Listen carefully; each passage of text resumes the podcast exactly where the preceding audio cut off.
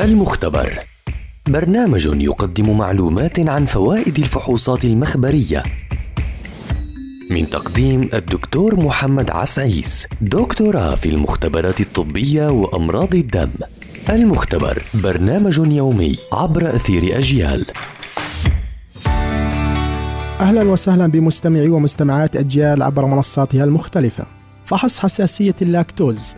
سكر اللاكتوز هو أحد السكاكر الثنائية والتي تتواجد بشكل أساسي في منتجات الألبان وتحديدا الحليب.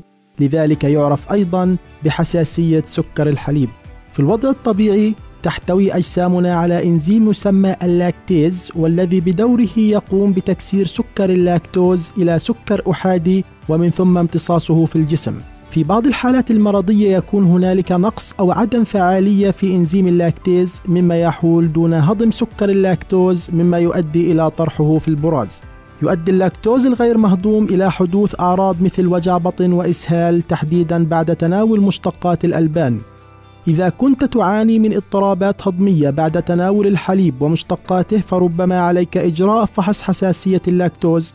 والذي يتم إجراؤه من خلال إعطاء المريض سكر اللاكتوز ومن ثم مراقبة مستوى السكر خلال فترة زمنية محددة عن طريق الدم.